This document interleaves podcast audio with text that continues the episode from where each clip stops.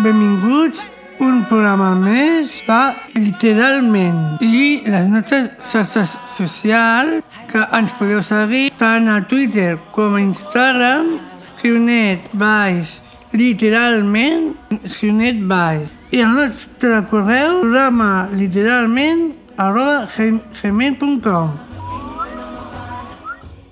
En aquest programa estem bojos pels llibres. Literalment.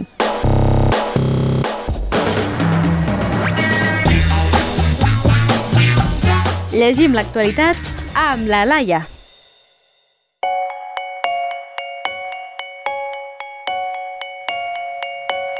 Això és Llegim l'actualitat. Tal com indica el nom, aquesta és una secció on parlarem de diferents llibres dins de la mateixa temàtica, normalment d'actualitat. Avui us porto un llibre d'un tema recurrent i important d'aquests últims anys. Es titula Cuando brillan les estrelles, creat per Victoria Jameson i Omar Mohamed. Abans de seguir, us haig de dir que no és un llibre qualsevol, sinó que és una novel·la gràfica on ens transporta la vida d'un dels coautors, l'Omar, un refugiat que va viure molts anys en el camp de refugiats de Dadaab. Deixant a banda que és una novel·la que ha guanyat moltíssims premis com National Book Award Finalist, Time Best Book of the Year, School Library Journal Best Book of 2020, entre molts d'altres, és un llibre que no m'esperava que em transmetés tanta energia i tanta proximitat en un temps tan petit. Els dibuixos són molt macos i molt ben cuidats, on cada etapa de la història que ens explica té el seu escenari particular, els seus personatges i els seus colors. I hi ha molts aspectes d'aquesta història que necessiten ser reconegudes. Com a bona novel·la gràfica no és gens pesada ni feixuga de llegir, tot el contrari. Amb cada vinyeta llegida aconsegueixes posar-te plenament en la història, fet que costa deixar el llibre a part per deixar-lo per més tard. A part de la cura que han tingut en tot moment en el disseny de la novel·la en si, la història és molt bonica i colpidora. Abans he deixat caure que es tracta de l'experiència real d'un nen provinent de Somàlia, on fuig juntament amb el seu germà petit, el Hassan, de la seva ciutat natal. Al camp es troben en unes condicions molt pèssimes, ja que són molt, molta gent per tan pocs recursos. És curiós com molts de nosaltres tenim interioritzats tant aspectes de la nostra vida quotidiana que considerem com a dret, però que per molta gent no ho és. En aquesta novel·la descobrim que l'Omar no ha anat mai a l'escola, ja que es queda a casa cuidant del seu germà petit que necessita molta atenció i ajuda també a la seva mare adoptiva per seguir endavant. No és fins que una representant de les Nacions Unides li proposa anar-hi per estudiar i aprendre, ja que el veu amb moltes capacitats. I malgrat les dificultats que va trobant pel camí l'escola per ell és tan important que res l'atura. També descobrim totes les injustícies al seu voltant amb els seus ulls. De la seva història no us puc avançar res més, ja que si no us faria tots els spoilers de la novel·la, així que us deixo les vostres mans. Si us llegiu la novel·la i teniu ganes de saber què està fent o si ha aconseguit el seu objectiu, podem trobar al final del relat una petita explicació del mateix Omar on ens explica què ha aconseguit i amb què està treballant actualment. Personalment, penso que és molt important llegir novel·les realistes i de problemes que estan passant al món, ja que ens fan sortir de la nostra bombolla i veure realment què està passant al nostre voltant per poder aturar totes aquelles injustícies que creiem innecessàries. Per fer un breu resum del que us he anat comentant, haig de dir que és una no de les novel·les gràfiques que més m'ha agradat, tant la història que explica com tots els detalls que han tingut amb el disseny. És un relat que em tornaria a llegir sense cap mena de problema i us animo que el busqueu i també l'exploreu. Fins aquí, llegim l'actualitat d'aquest mes. Adeu! Moltes gràcies, Laia. Descobriu els improcontes amb el Lluc.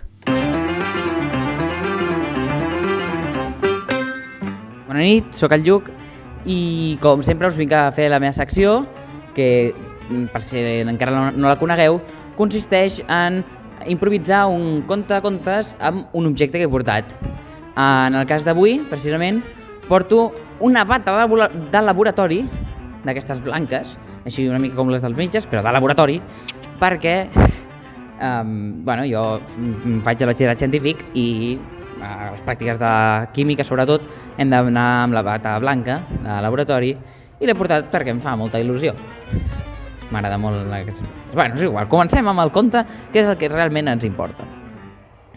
Vinga, va. Um, tot va començar una tarda de nit de diumenge. Una tarda de nit vol dir cap al vespre. Mm? El diumenge anterior havien estat a punt d'anar al laboratori, però els hi havien cancel·lat per problemes tècnics. Hi havia una fuita d'un gas tòxic. Tanmateix, la bata s'havia quedat dins l'armari tota la setmana, esperant a que la vinguessin a buscar. Estava mig intoxicada per culpa d'aquell gas. I ningú va ni, ni adonar-se que ella havia estat allà. En canvi, al cap d'un temps, cap d'un temps vol dir el diumenge aquell, quan van anar quan van anar a buscar la bata per fer les pràctiques de laboratori se la van posar i van començar a fer les pràctiques.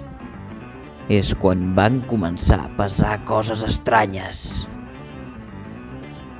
La bata, que com ja hem dit s'havia intoxicat una mica, tenia un, una mica d'àcid clorhídric impregnat. I aquest àcid és molt perillós, molt molt perillós. Per començar perquè és corrosiu. I com que és corrosiu, la bata pobra es anava fent malbé. I a més a més, aquesta bata anava traient aquest, a, a, una mica d'aquest àcid. El anava traient sense voler perquè és una bata que no és, és una mica impermeable, i llavors l'anava traient i anava caient per tot el laboratori. Fins que, de cop, agafant un vas de precipitats, que és com un got, un vas de precipitats, ple de una base, una base és un producte, una substància, que és el l'hidròxid de sodi, que també és bastant perillós van començar a reaccionar. De cop van aparèixer els grans mags de la química. Van entrar per la porta del laboratori, van entrar i van començar Tots quiets, no us mogueu!